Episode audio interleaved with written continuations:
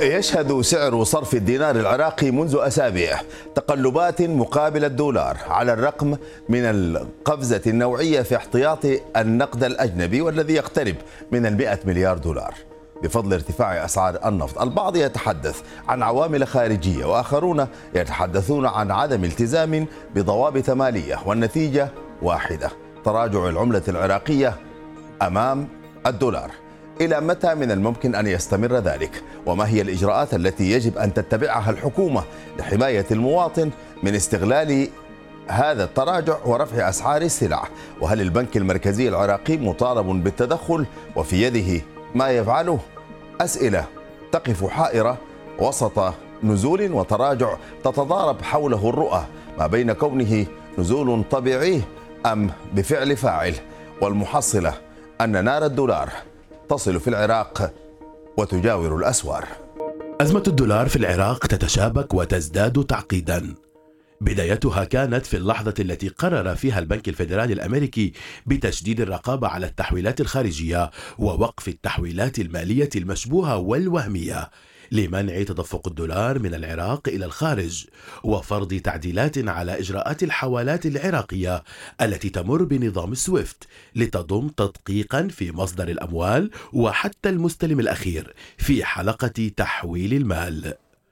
منذ 2004 كان البنك المركزي العراقي يبيع العملة الأجنبية عبر منافذ بيع العملة وهو ما بات يعرف بمزاد العملة كأحد أدوات سياسته لتحقيق الاستقرار النقدي وتلبية متطلبات التجارة الخارجية من الشركات والتجار والقطاع الاقتصادي والأفراد. ورغم أن الحكومة ومن خلال ذلك المزاد نجحت في ضبط سعر الصرف في السوق السوداء عند حدود 1200 دولار لكل دينار إلا أن العملية غارقة في اتهامات بالفساد وغسيل الأموال وتحويل الدولارات الرخصة إلى دول المجاورة باستخدام سندات مزورة.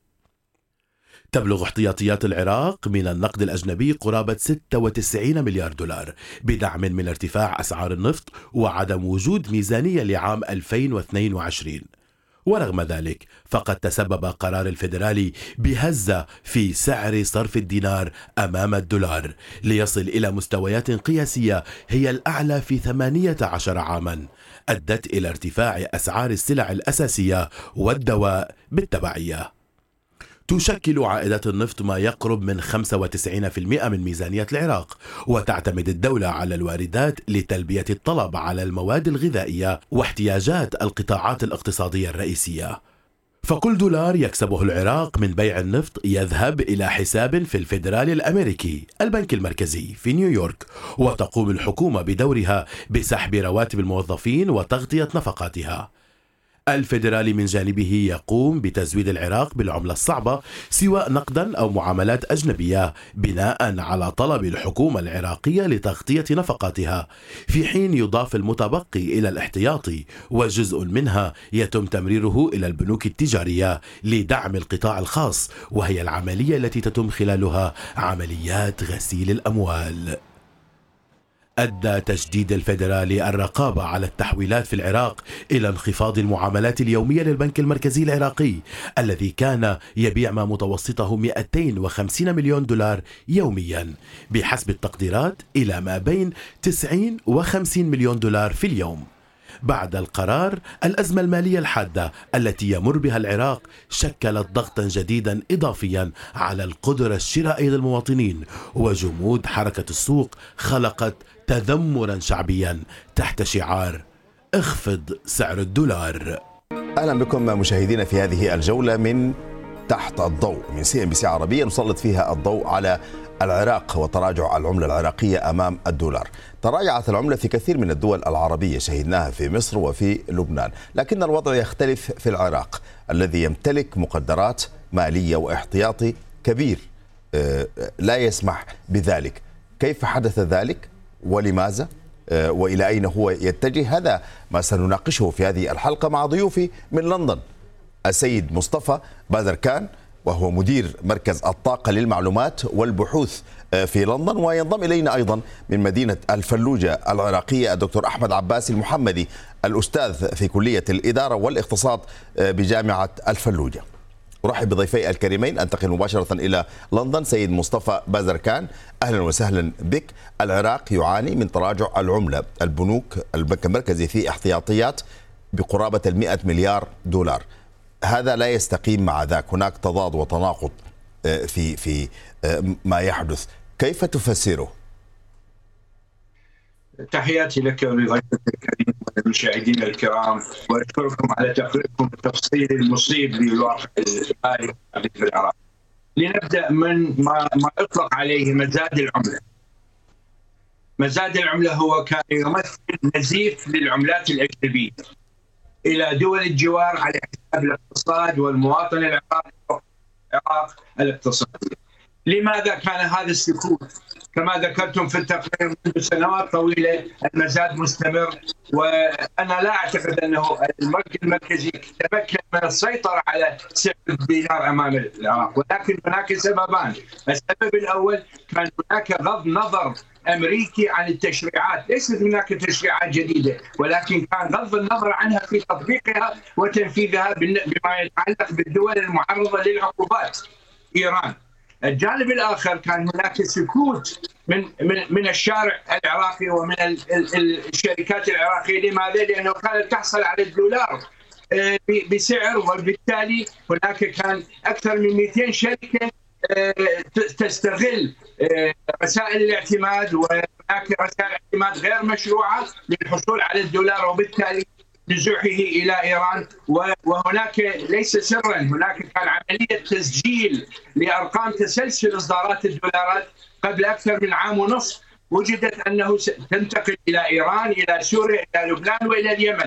هذا الذي جعل عملية تجديد تنفيذ التشريعات مقابل آه، الدولار أو نزوح الدولار. وهذا الذي جعل ولذلك شهدنا في اللحظة التي قرر المرصد المركزي تنفيذ هذه التشريعات كان هناك هجوم إن صح التعبير على السوق العراقية للحصول على الدولار نعم. فقفزت أسعار الدولار نعم. ولذلك لو لو عندنا كما ذكرتم أنه هناك 82% من المعاملات المقدمة للحصول على تحويلات نعم. رفضت لأنها خارج القانون هذا يجعل أنه كيف كان تدور هذه المزاد ولصالح من هو هذا السؤال جيد أنتقل إلى الفلوجه في العراق الدكتور أحمد عباس المحمدي الأستاذ في كلية الإدارة والاقتصاد جامعة الفلوجه.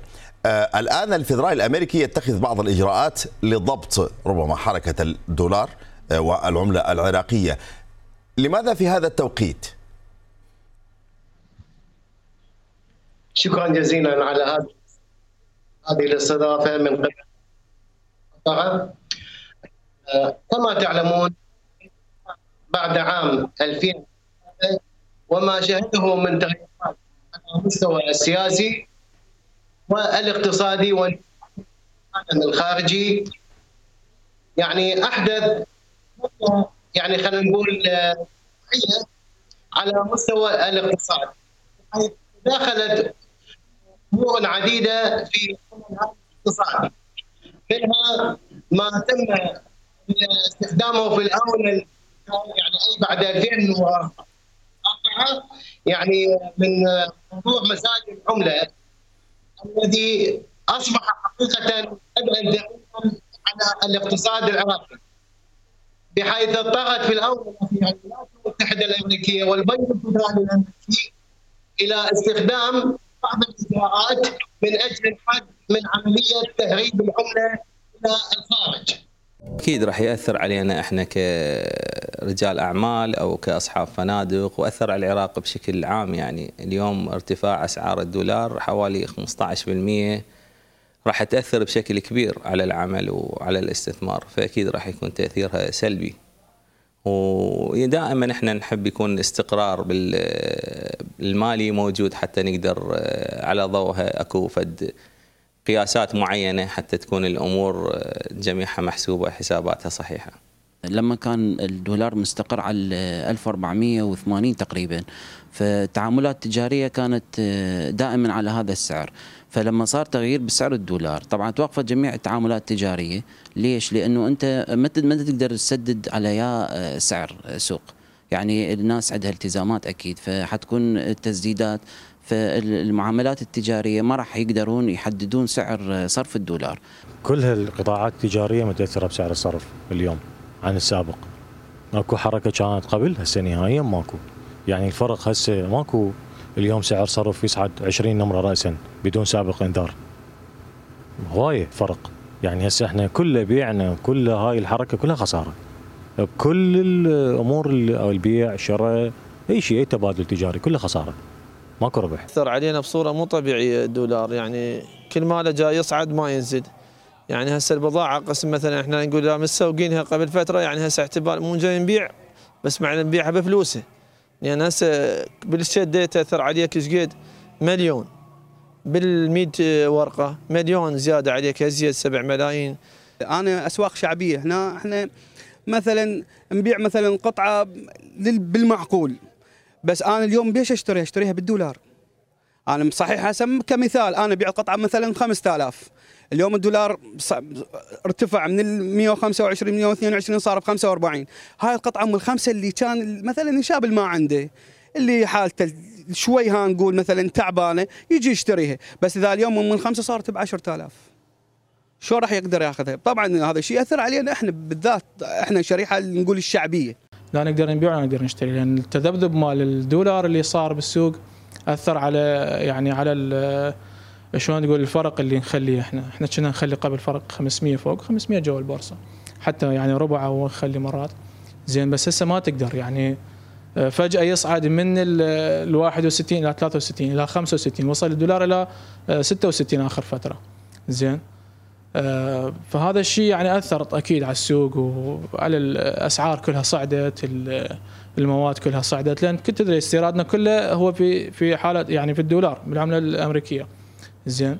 أهلا بكم من جديد في تحت الضوء التي آه، نخصص فيها هذه الجولة للحديث عن آه، عوامل وأسباب تراجع العملة العراقية الدينار أمام الدولار في ظل وجود احتياطيات تقارب ال 100 مليار دولار في البنك المركزي العراقي. آه، أعود من جديد إلى ضيوفي وأعود إلى ضيفي في لندن السيد مصطفى بازركان وهو آه، مدير مركز الطاقة للمعلومات والبحوث في لندن. آه، سيد مصطفى يعني بغض النظر عن من المسؤول عن هذا التراجع المواطن هو الذي يدفع الثمن في نهاية المطاف. إذا كانت هناك مزادات ب 250 مليون دولار في اليوم والآن بفعل هذه الإجراءات تقلصت إلى 50 إلى 90 مليون دولار. إذا كانت تتسرب حسب التقارير يعني وحسب ما ترونه أنتم آه، في غير مواضيعها تلك التي كانت آه، ب 250 آه، إذا تم ضبط هذه العملية الآن يعني من 50 إلى 90 تكون ذات النتيجة يعني إذا كانت 250 تتسرب جزء كبير منها إلى مصادر أخرى ما هو الفرق؟ اولا الضحية الأكبر وهو المواطن العراقي والموظف العراقي؟ حينما الموظف يستلم الراتب ويتراجع راتبه بين 10 إلى 15% هذا هو الضحية. وهذه نقطة أساسية. ثانيا لا ننسى أن الطبقة الفقيرة بدأت تتوسع. هناك 37% من الشعب العراقي تحت خط الفقر هذه نقطة أساسية. ثانية النقطة الثالثة لابد من توعية إعلامية. أنه صحيح كان الدينار ثابت أمام الدولار ولكن كان عملية نزيف على حساب المواطن العراقي. طيلة هذه السنوات كان نزيف العملات الأجنبية. حينما وعى المصرف المركزي العراقي والاحتياط الفيدرالي إلى هذه النقطة فلا بد من الانتظار لا بد هذه هذه تحتاج صبر وفترة. هذه نقطة، النقطة الثانية حينما يكون 82% من المعاملات المقدمة للمصرف المركزي غير مشروعة هذا يعطيك دليلا واضحا انه أين كانت تذهب ثروات العراقيين. حينما تفضلتم وقلتم آه، الاحتياط النقدي العراقي يصل إلى 100 مليار. الشهر الماضي كان مدخول العراق من النفط 7 مليار. في أشهر الصيف وصلت إلى 11 مليار شهريا. هذه نقطة. هناك لدى العراق 40 آه، مليار دولار من سندات الخزانة الأمريكية. هناك مخزون الذهب ولكن هذا يجعل أنه هناك الفساد، هذا هو الفساد الذي قد يشمل آه، مجموعات كبيرة ويشمل أيضا حتى قطاع القطاع الخاص بعض بعض منه كيف يقدم آه، رسائل اعتماد غير مشروعة وغير صحيحة، هذه تحتاج إلى وقفة كبيرة. نعم. هناك هناك خطوات إن سمحت لي نصف دقيقة،. الخطوات التي قام بها رئيس الوزراء بتغيير الشخصيات هذا صحيح مهم ولكن الأهم هو كيف تتمكن هذه الشخصيات من عدم الانصياع للضغوط التي تتعرض لها، ضغوط سياسية، اقتصادية، أي جانب آخر، إن تمكنت هذه الشخصيات من إقرار حق المواطن العراقي في في ثرواته سنصل إلى النتيجة المطلوبة. الدكتور أحمد عباس المحمدي وأنت أستاذ في كلية الإدارة والاقتصاد في جامعة الفلوجة، هذه الإجراءات الأخيرة لضبط الدولار وعدم إمكانية تسريبه يعني إلى أي أوجه أخرى آه، غير محمودة، آه، هل هي إجراءات ناجعة من الممكن أن تؤدي إلى ظهور آه، نتائج أم أنه من الممكن الالتفاف عليها أيضا؟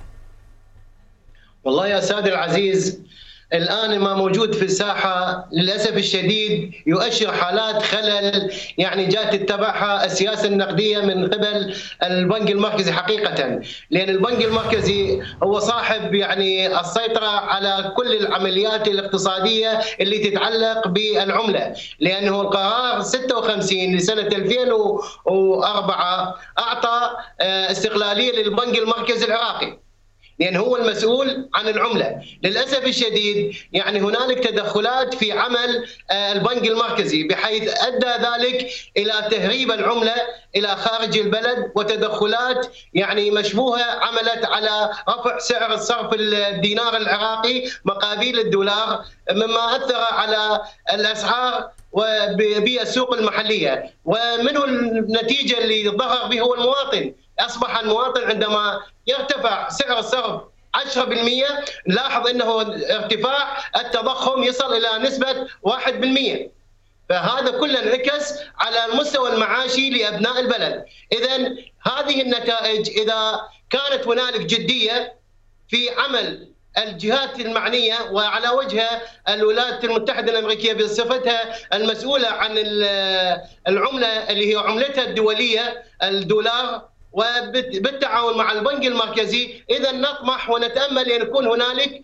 عملية تعاون تصب في مصلحة البلد والاقتصاد البلد والمواطن اللي هو معني بالدرجة الأساس. نعم، سيد مصطفى بازرقان يعني إذا كان الاقتصاد متدهور ولم تكن هناك احتياطيات في البنك مسألة تراجع العملة أمام الدولار تبدو معقول لكن في الحالة العراقية هذا هذا لا يستقيم بطبيعة الحال. الآن ما هي الإجراءات التي من المفترض أن تتبعها الجهات ذات الصلة في العراق آه، حتى تستطيع أن تضبط هذه العملية وأن تكون هناك آه، إرادة حقيقية آه، في السيطرة على ذلك.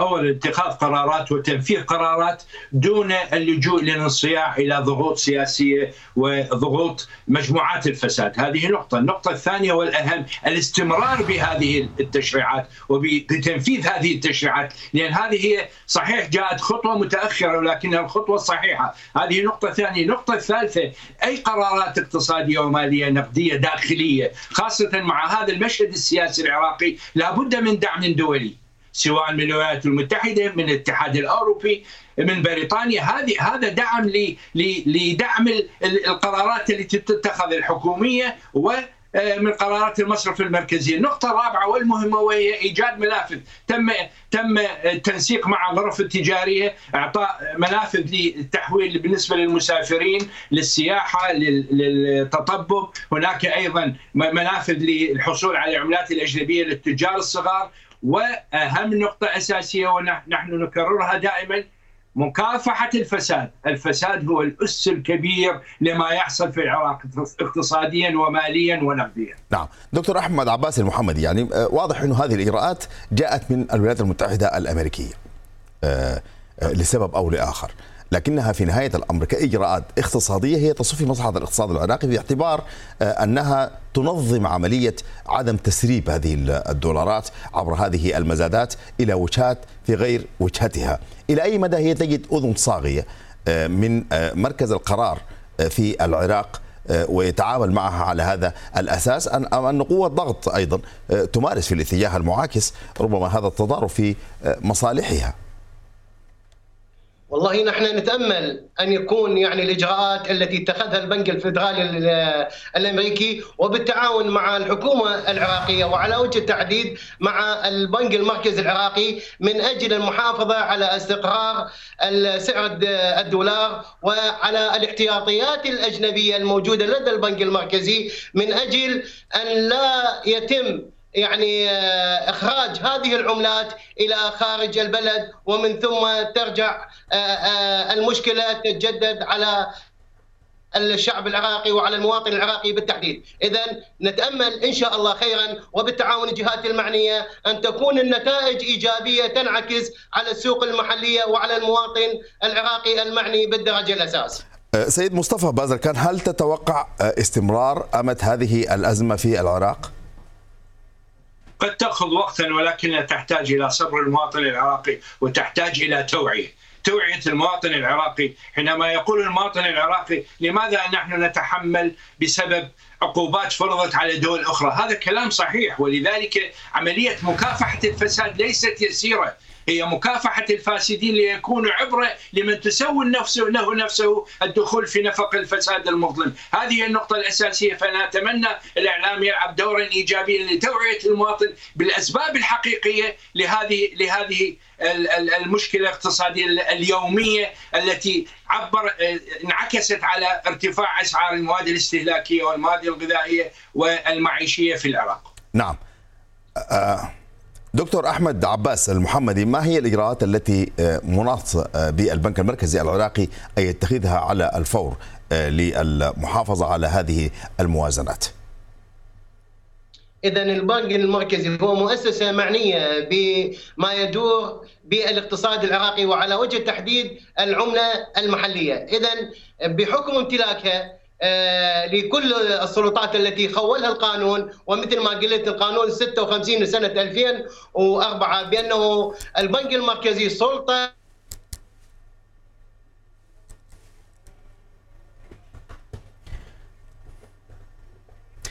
إذا مشاهدينا كان هذا هو آه هذا اللقاء في آه تحت الضوء الذي خصصنا عفوا آه في هذه الحلقة للحديث عن الدولار. آه، وارتفاعه أمام العملة العراقية الدينار العوامل والأسباب والموجهات. أشكر ضيوفي من لندن السيد مصطفى بازركان وهو مدير مركز الطاقة للمعلومات والبحوث في لندن وضيفي من الفلوجة في العراق الدكتور أحمد عباس المحمدي الأستاذ في كلية الإدارة والاقتصاد بجامعة الفلوجة. وشكرا لكم مشاهدينا الكرام على طيب المتابعة لهذه الجولة في هذا البرنامج. إلى اللقاء. أسعد الله أوقاتكم أعزائنا المشاهدين بكل خير مسار السوق لهذا اليوم وسوف يتم تسليط الضوء عليه مدى طبعا تأثير أداء البنوك الإماراتية على المؤشرات وأيضا الأسواق الخليجية. ولكن كالعادة دعونا نبدأ بأبرز العناوين. تباين المؤشرات الإماراتية. قطاع البنوك بقيادة فاب يضغط على مؤشر فوتسي أبو ظبي ليهبط عند أدنى مستوياته في ثلاثة أشهر. وفي نتائج القطاع المصرفي الإماراتي أرباح بنك الإمارات دبي الوطني تفوق التوقعات وتقفز إلى 13 مليار درهم. نتائج أبو ظبي الأول دون توقعات والسهم يهبط لأدنى مستوى في أكثر من 20 شهرا. مؤشر بورصة قطر يسجل أول مكاسب أسبوعية منذ أسبوعين ويتماسك عند مستويات ال 11100 نقطة. أهلا بكم. طبعا بالنسبة لمؤشر سوق دبي المالي يستطيع بأن يحقق تقريبا حوالي أو أقل من النقطة. كان هناك في بداية الجلسة ارتفاعات تفوق تقريبا أو قاربت الواحد في المئة ولكن تتراجع وتتقلص. ما أسباب هذه التراجعات؟ نلاحظ الأكثر نشاطا في سوق دبي. سلامة ترتفع بالحدود القصوى. كما نعلم سلامة هي تسعى للاستحواذ على المحفظة الائتمانية لتكافل الإمارات آه، بشكل عام. وافق مجلس الإدارة الآن بصدد موافقة آه، الجمعية العمومية وكذلك الجهات المنظمة الاتحاد العقارية ديار إعمار. نشهد عمليات جني أرباح واضحة على القطاع العقاري بعد أن شاهدنا سلسلة خلال هذا الأسبوع سلسلة من الارتفاعات وبالذات عند إعمار بالنسبة لإعمار وكانت أيضا داعمة للمؤشر العام لسوق دبي آه، المالي. إمباور ترى آه، ارتفاعات بحدود 16 النقطة المئوية. الرابحين والخاسرين في سوق دبي المالي. سلامة تتصدر المشهد مشهد الأسهم الأكثر ربحية دار التكافل شعاع دبي التجاري تعاونية الاتحاد. يقابلها الأسهم الأكثر خسارة. السلام البحرين أمانات القابضة اكتتاب العربي للطيران إعمار ربما هو يكون الأسهم آه، من من أبرز الأسهم التي ضغطت وقلصت تلك الأرباح. كانت هناك أيضا ارتفاعات واضحة على الإمارات دبي الوطني بعد أن آه، أعلن طبعا عن النتائج وكانت أوفاقت توقعات المحللين وكان هناك ارتفاعات جيدة بحدود 37% سوف نفصلها لاحقا. مؤشر فوتسي أبو ظبي يعني يستقر فوق مستويات العشرة ألاف بعد أن كسر مستويات العشرة ألاف ومئة نقطة يخسر بأكثر من 1.7 في المئة. بطبيعة الحال هذا جاء بضغط رئيسي من أبو ظبي الأول الذي أعلن عن نتائجه وجاءت دون التوقعات. انخفاضات ملموسة على هذا السهم بحدود تقريبا 7 في المئة ضغطت على مؤشر FTSE 15 وأيضا على مؤشر FTSE أبو ظبي. الأكثر نشاطا في أبو ظبي كلها باللون الأحمر. نشهد هذه التراجعات دانا غاز بالرغم من أيضا موافقة الموافقة على رفع نسبة تملك الأجانب إلى 100 في المئة.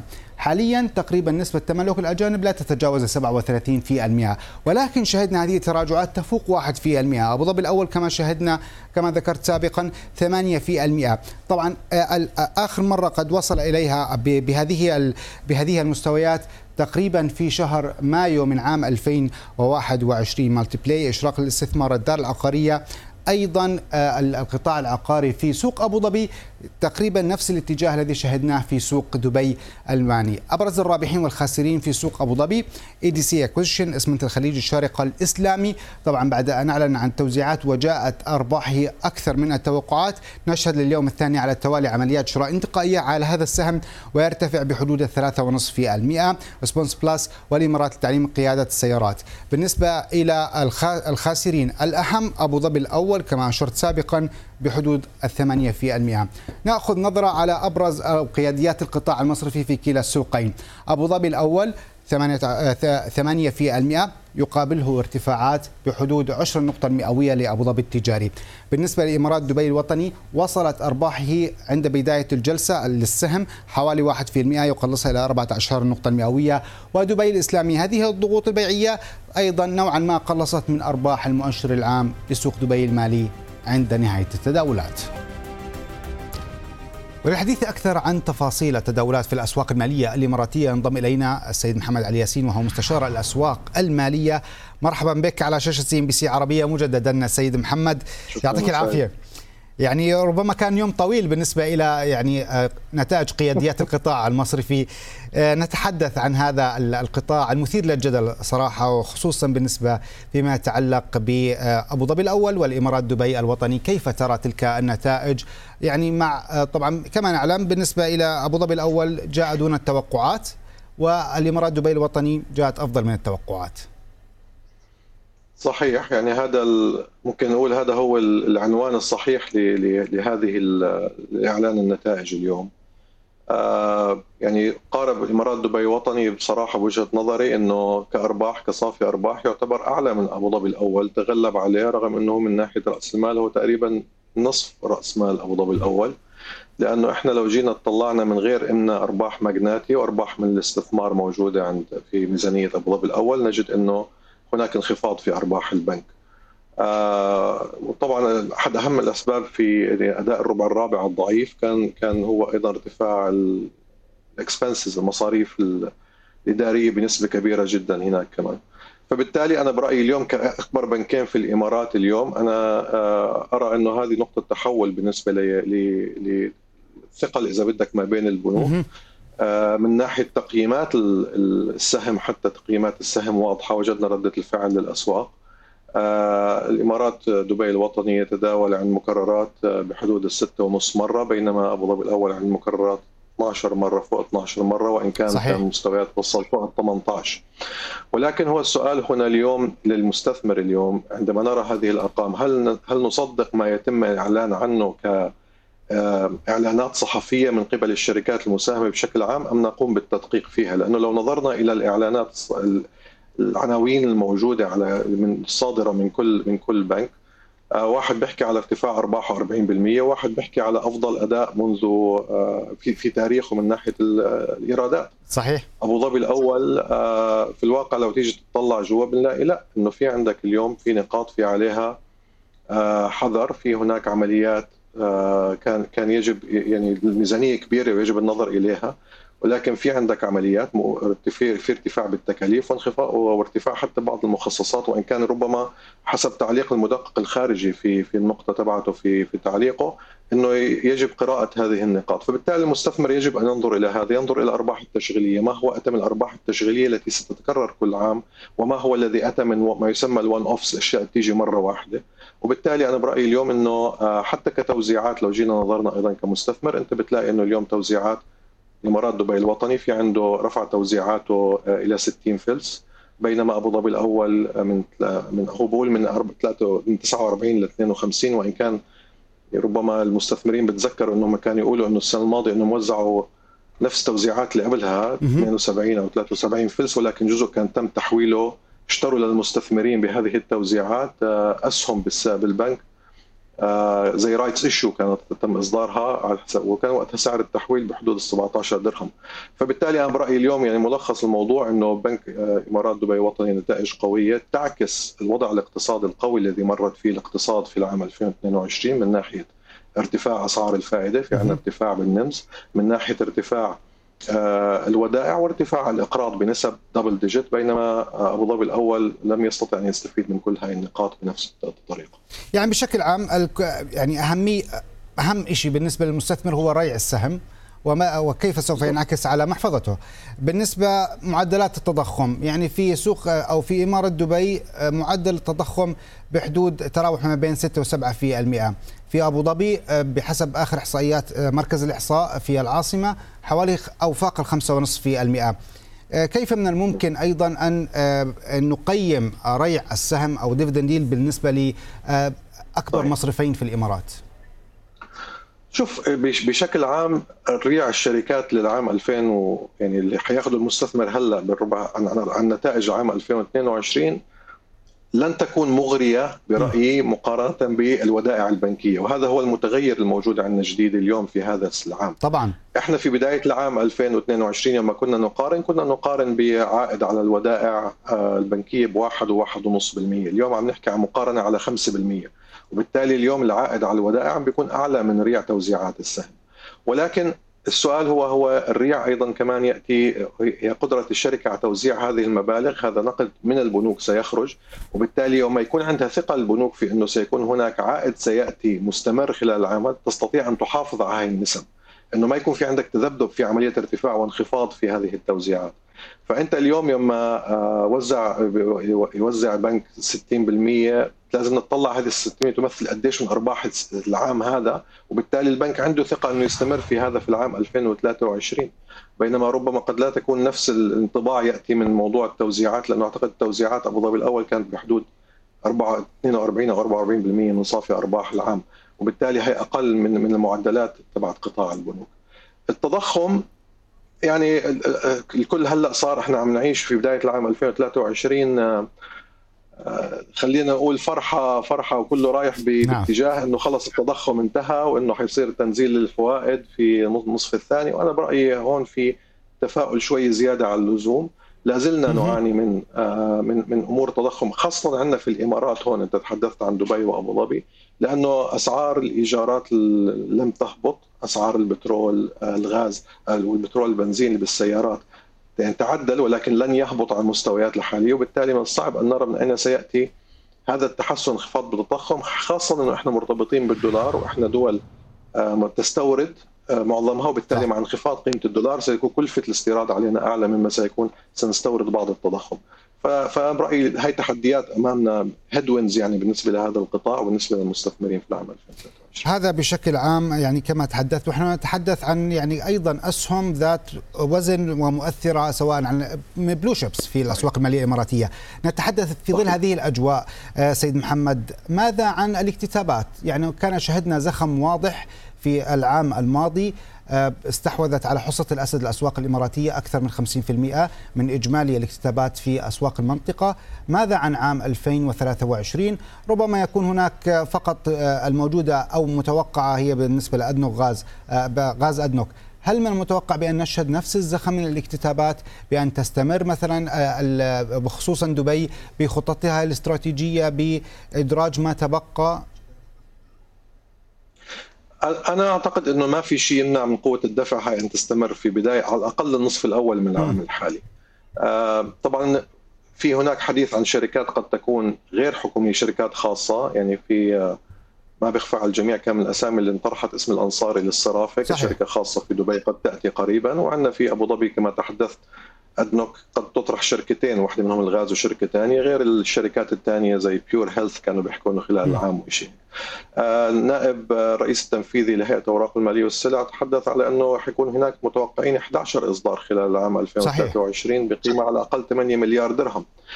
كل هذا بيعتمد أنا برايي قوة الزخم تعتمد الآن على أنه آه، آه، تقييم هذه الشركات عندما يتم بيعها للمستثمر ما تكون على السعر الأعلى أو التقييم الأعلى لأنه هذا ثبت إنه إذا بيعت على التقييم الأعلى بنلاقي الشركة عم تنزل عندها إدراجها بالسوق وهذا شيء سلبي لاستمرارية قوة الدفع.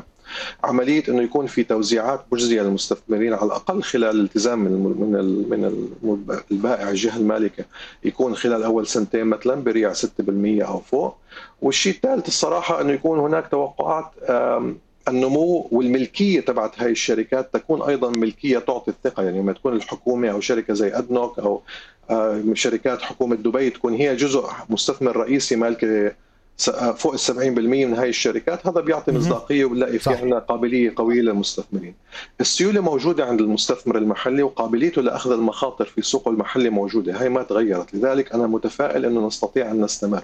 ما قد يغير هذا التوقع إذا صار عندنا عملية بيع على مستويات عالية وصار إدراج على سعر أقل. هذا يؤدي إلى خسائر وإلى آه، حجام المستثمرين عن الاكتتاب. فلذلك مصلحة الجميع الشركات اليوم أن تكون لنستطيع أن نستمر في هذا الزخم لأنه زيادة عمق السوق شيء مهم للسوق كله لكل المستثمرين. صح. نحتاج إلى أن يكون التقييم صح ويكون آه، بيكون يعني زي ما بيقولوا وين وين سيتويشن يكون في ربح للمستثمر وربح للبائع ما يكون واحد على حساب الثاني. يعني بتوقع سيد محمد علي ياسين لابد من أن تأخذ بعين الاعتبار تلك الشركات التي تنوي الإدراج بالنسبة إلى التقييم ونوعا ما أن تخفف طبعا من التقييم قدر الإمكان لأنه الظروف تغيرت طبعا عن عام 2022 السيد محمد علي نعم. ياسين وأنت مستشار الأسواق المالية شكرا جزيلا لك على كل هذه المعلومات وهذه المشاركة طبعا الأسواق القطرية والكويتية سوف نتابع تفاصيلها بعد الفاصل ابقوا معنا. أهلا بكم من جديد. فيما يتعلق بالبورصة القطرية كيف أغلق المؤشر العام؟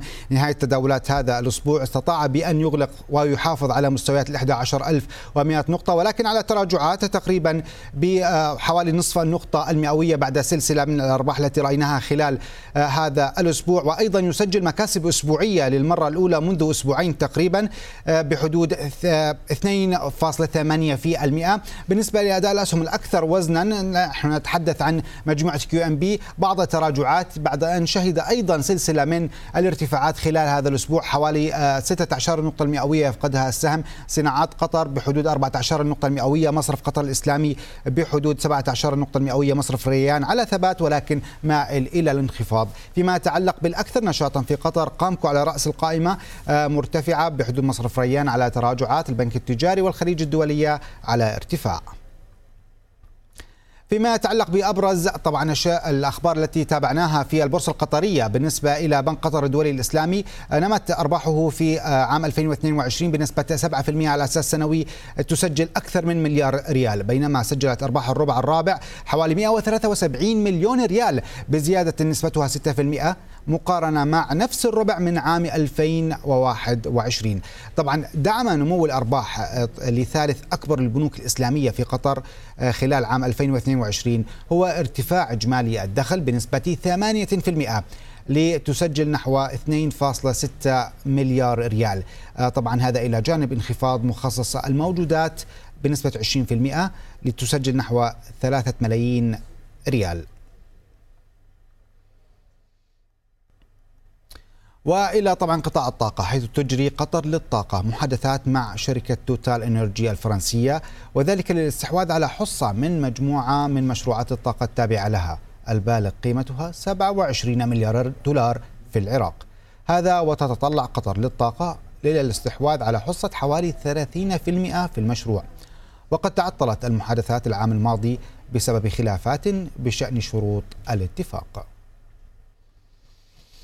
ماذا عن البورصة الكويتية؟ نذهب إلى المؤشر طبعا الأول الذي استطاع بأن يغلق فوق مستويات 8000 خلال هذا الأسبوع. 8113 نقطة يغلق عندها المؤشر نهاية هذا الأسبوع. آه، منخفض تقريبا بحدود 14 النقطة المئوية. شهدنا حقيقة تذبذبات واضحة في البورصة الكويتية خلال تداولات هذا الأسبوع. لعبت العديد من آه، العوامل بالنسبة للمؤشرات كنا نتحدث عن نتائج الشركات وبالذات في القطاع المصرفي أيضا كنا نتحدث عن أسعار النفط العالمية شهدنا حساسية نسبية فيما يتعلق بنفسيات المستثمرين وكذلك المؤشرات خلال هذا الأسبوع. مؤشر السوق العام آه، يحافظ أيضا على مستويات 7300 نقطة اليوم انخفض بحدود 14 نقطة المئوية. آه، بالنسبة للسوق العام بيتك هو الذي يتصدر المشهد وأيضا من حيث قيم التداولات طبعا انخفض السهم بحدود 10 نقطة المئوية ولكن استحوذ على حوالي ثلث قيم التداولات. أكثر من 10.7 مليون دينار على آه، على السهم. من إجمالي يبلغ حوالي 35 مليون دينار. الوطني كذلك أيضا كان له نصيب من قيم التداولات حوالي آه، أكثر من 2 مليون آه، دينار. انخفاضات واضحة بأكثر من 1.2% على الوطني. آه، كذلك على تراجعات وبالتالي الأسهم القيادية ذات الوزن شهدنا هذه التراجعات عليها آه، خلال أو نهاية تداولات هذا الأسبوع. ربما يكون ذلك آه، يعني بحكم نهاية يوم الخميس نهاية هذا الأسبوع عادة ما نشهد هذه التراجعات والتخارجات في البورصة الكويتية. وصلنا لنهاية حلقة مسار السوق لهذا اليوم. إلى اللقاء وفي رعاية الله. أهلا بكم مشاهدينا إلى كلام أسواق. أنا ميساء القلا سنراقب إغلاقات السوق السعودي في نهاية تداولات اليوم التماسك. حتى الآن عند مستويات ال 10819 نقطة يأتي مصحوبا بسيولة تفوق 3 مليار و140 مليون ريال وصافي الشراء. حتى الآن أقل من 70 مليون ريال سعودي مع نهاية هذا الأسبوع. تبقى المكاسب فقط بحدود 10 نقاط. عكس السوق الموازي اليوم اتجاهه بعد مكاسب شهدناها بجلسة سابقة.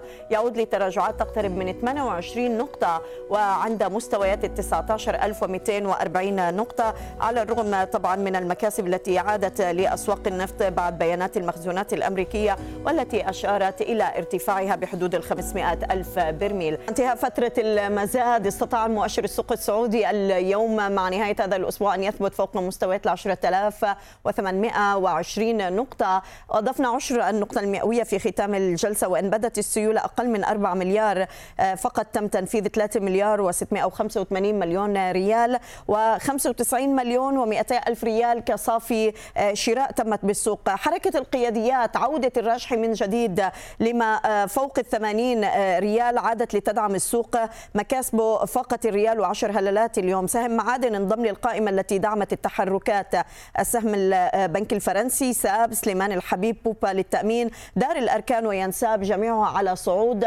ورأينا أرامكو يعود لبعض التراجعات على الرغم من التماسك الذي شهدناه لأسعار النفط اليوم بعد بيانات المخزونات الأمريكية التي أظهرت ارتفاع بقرابة 500 ألف برميل. أرامكو عم يخسر 16 النقطة المئوية سابق عمق من التراجعات اليوم بما يفوق ال 2% وحافظ البنك الأهلي السعودي على ارتفاعات هامشية قربت عشر النقطة المئوية. هناك حركة على الأكثر نشاطا كانت من نصيب أمريكانا يعود للواجهة الراجحي دار الأركان عناية للتأمين وأرامكو السعودية بأربع مليون سهم تقريبا في ختام تداولات الأسبوع. أما المكاسب كانت في نهاية الجلسة للكثير تصدر القائمة Future Care المتطورة آه، كما ذكرنا اليوم 7% السهم عاد ليقلصها لحدود 6% عن 27 15 ومجموعة الحكير إلى جانب الإعادة السعودية يضيف 5% ضمن هذه التحركات. أما التراجعات الأكبر تصدرها سهم أبيكو. خسر قرابة 7.16 النقطة المئوية. المراعي بأكثر من 3% ل 53 سهم كير إدارات للاتصالات والمركز الكندي الطبي يتراجع بقرابة الأربعة في المئة مع نهاية الجلسة. نتحدث عن تفاصيل هذه الإغلاقات. دكتور عبد الله باشر رئيس مجلس إدارة تيمون للاستشارات المالية ينضم إلينا. دكتور أهلا بك معنا وشكرا على وجودك. عم نراقب اليوم هذه المستويات ال 10000 1820 نقطة ما زلنا عم نحافظ عليها وواضح أنه ما زال المتحكم الرئيسي هو سهم الراجحي اليوم بتخطي مستوى 80 ريال متحكم بحركة السوق برأيك هذا المستوى إلى أي مدى هو ما زال يعتبر دعم نفسي مهم بالنسبة للمستثمرين؟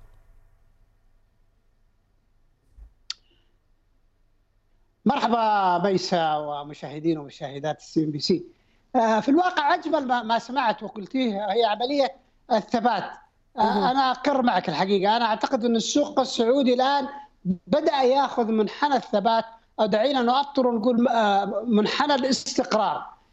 آه، منحنى الاستقرار أعتقد من التحليل والقراءة للسوق. ستجدي أول حاجة زي ما تكرمتي. تأثير قطاع البنوك وعلى رأسها سهم الراجحي لماذا نقول قطاع البنوك؟ لأنه قطاع البنوك وزنه في السوق 41% هذا الوزن عندما يتحرك أو هذه الكتلة عندما يتحرك أهم سهم فيها أو أهم سهمين معناه بالتالي سيكون هناك صعود آه، للمؤشر. ولكن هذا الصعود قد يكون آه، تدريجي لأنه أنت تتعامل مع قطاع آه، حساس عندما أقول قطاع حساس لا يعتمد على عملية العرض والطلب الطلب والأسواق كما هو مثلا في البتروكيمياء ولكن كذلك يعتمد على تغير السياسات النقدية والمالية في الدول. العامل الآخر لو لاحظتي إذا كان نريد أن نثبت كلمة الثبات أو الاستقرار المنحنى اللي بدأ السوق عليه يجب أن ننظر إلى عامل اخر مثلا من من من العرض الجميل نأخذ المراعي في الجانب الآخر. المراعي حققت أرباح آه، تقريبا بليونية. آه، وكانت من أفضل الأرباح يعني نموا. ولكن في نفس الوقت بدأ السهم يتراجع. فهنا الحقيقة تجد هذه المتناقضات دائما في الأسواق المالية هي اللي تحرك الأسواق. يعني بعض الأحيان قد تجد السوق من الأسواق يتحرك ليست هناك نتائج مالية وليست هناك أخبار ولكن هناك الحقيقة بابلز آه، زي ما حصل مثلا في حالة تويتر عندما بدأ ألم ماسك آه، يحاول يستحوذ عليها وجدنا سعرها أما ارتفع أو انخفض. فإذا المتعامل مع الأسواق يجب أن لا يحصر نفسه في زاوية واحدة. اللي هي التحليل أو الخبر أو الإشاعة. لا قد يكون هناك فعل بفاعل يحرك هذه الأسواق. أسواقنا الناشئة الحقيقة لا زالت إلى حاجة إلى هذا التكنيك. نعم. أو لم تبلغ إلى مستوى ال ال ال الأدوات الغير آه، موجود التقليدية ولكنها فاعلة في الأسواق. طيب وبما إنه عم نحكي عن الأدوات آه، دكتور يعني الآن آه، بدأنا نشهد آه، يمكن على سبيل المثال سهم المتطوره اليوم 7% الشركة بدأت تتجه أيضا لزيادات رأس المال لعملية تمويل المشاريع ودعم المركز المالي للشركة. خيار وجود البدائل اليوم بعيدا عن عمليات الاقتراض إلى أي مدى يعتبر عامل مرن اليوم بالنسبة للشركات السعودية مقارنة بالأسواق الأخرى؟ وإحنا يمكن شفنا عدة نماذج من تحويل آه، أغلب الشركات السعودية اليوم آه، من مديونيتها إلى حقوق ملكية. آه، هذا النموذج برأيك هل يمكن أن يبنى عليه في ظل فترة التحديات؟ جميل ميسا أنت تكمل الخبر الحقيقة أو القصة. هي عملية استخدام زي ما تكرمتي الإبداع استخدام التداول الغير تقليدي الأدوات الغير تقليدية. واللي تكلمنا عنها سواء رفع راس مال انخفاض آه، راس مال نتائج وما شابه ذلك. سنجد إنه الآن الشركات أو بعض الشركات بدأت الإدارات يعني نأخذ أنت كملتيها الآن إحنا تكلمنا عن الراجحي تكلمنا عن آه، المراعي المتطورة، المتطورة رغم إنها خفيفة الوزن ولكن التغيرات التي حصلت في شركة المتطورة باستقالة الرئيس التنفيذي والمؤسس لهذه للشركه والتغيرات التي حصلت فيها جعلت من دخول أفكار جديدة في هذه، فهنا الشركات عشان تحرك السهم وهي ما يسمى بصناعة السهم، ترى بعض الأحيان الكثير قد يخطي في التعابير. يعتقد إن صناعة السهم أشتري سهم وأبيعه. لا صناعة السهم هي عملية زي عملية التسويق زي عملية التنمية.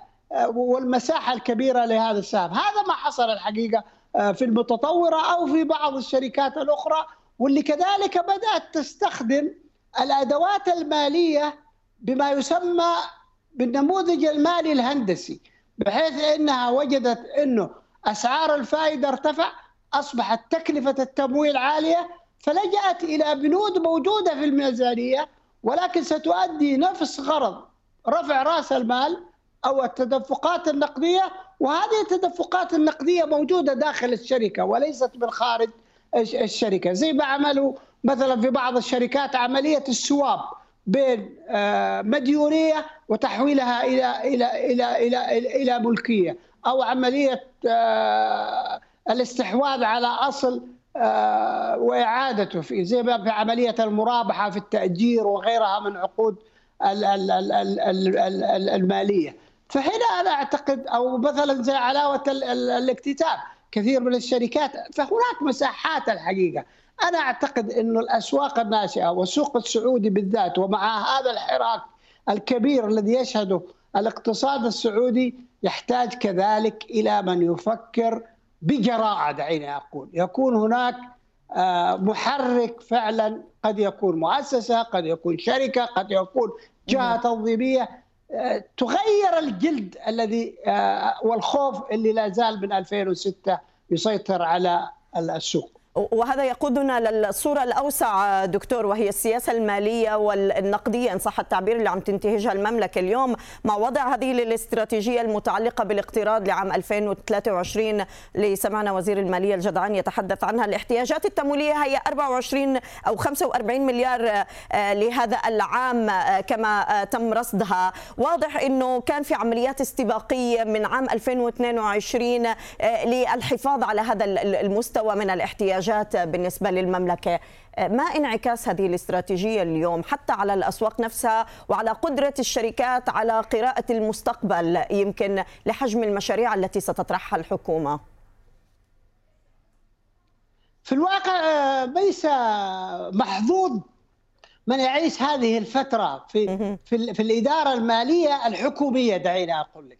لأنه وجد الآن الشفافية الواضحة وجدت ما يسمى بالتخطيط المالي. هذا لم يكن متعود عليه في وزارات المالية في العالم العربي كله وفي الدول وفي الشرق الأوسط. فالآن الحقيقة الجهات المخططة أو الجهاز المالي في في في المملكة العربية السعودية أعطى الحقيقة لمن يتعامل في الأسواق سواء كانت أسواق الأسهم، أسواق الدين، أسواق المشتقات أو حتى الأسواق التجارية. يعني لازلنا نعيش الآن منتدى عروض فرص في عدة قطاعات. يعني نتكلم عن حوالي 5000 فرصة. هذه الشفافية والإيضاحات تجعل من عملية زي ما تكلمنا في البداية من عملية الإبداع من عملية القراءة ولكنها مبنية على أسس. ليست مجرد طيران في الهواء.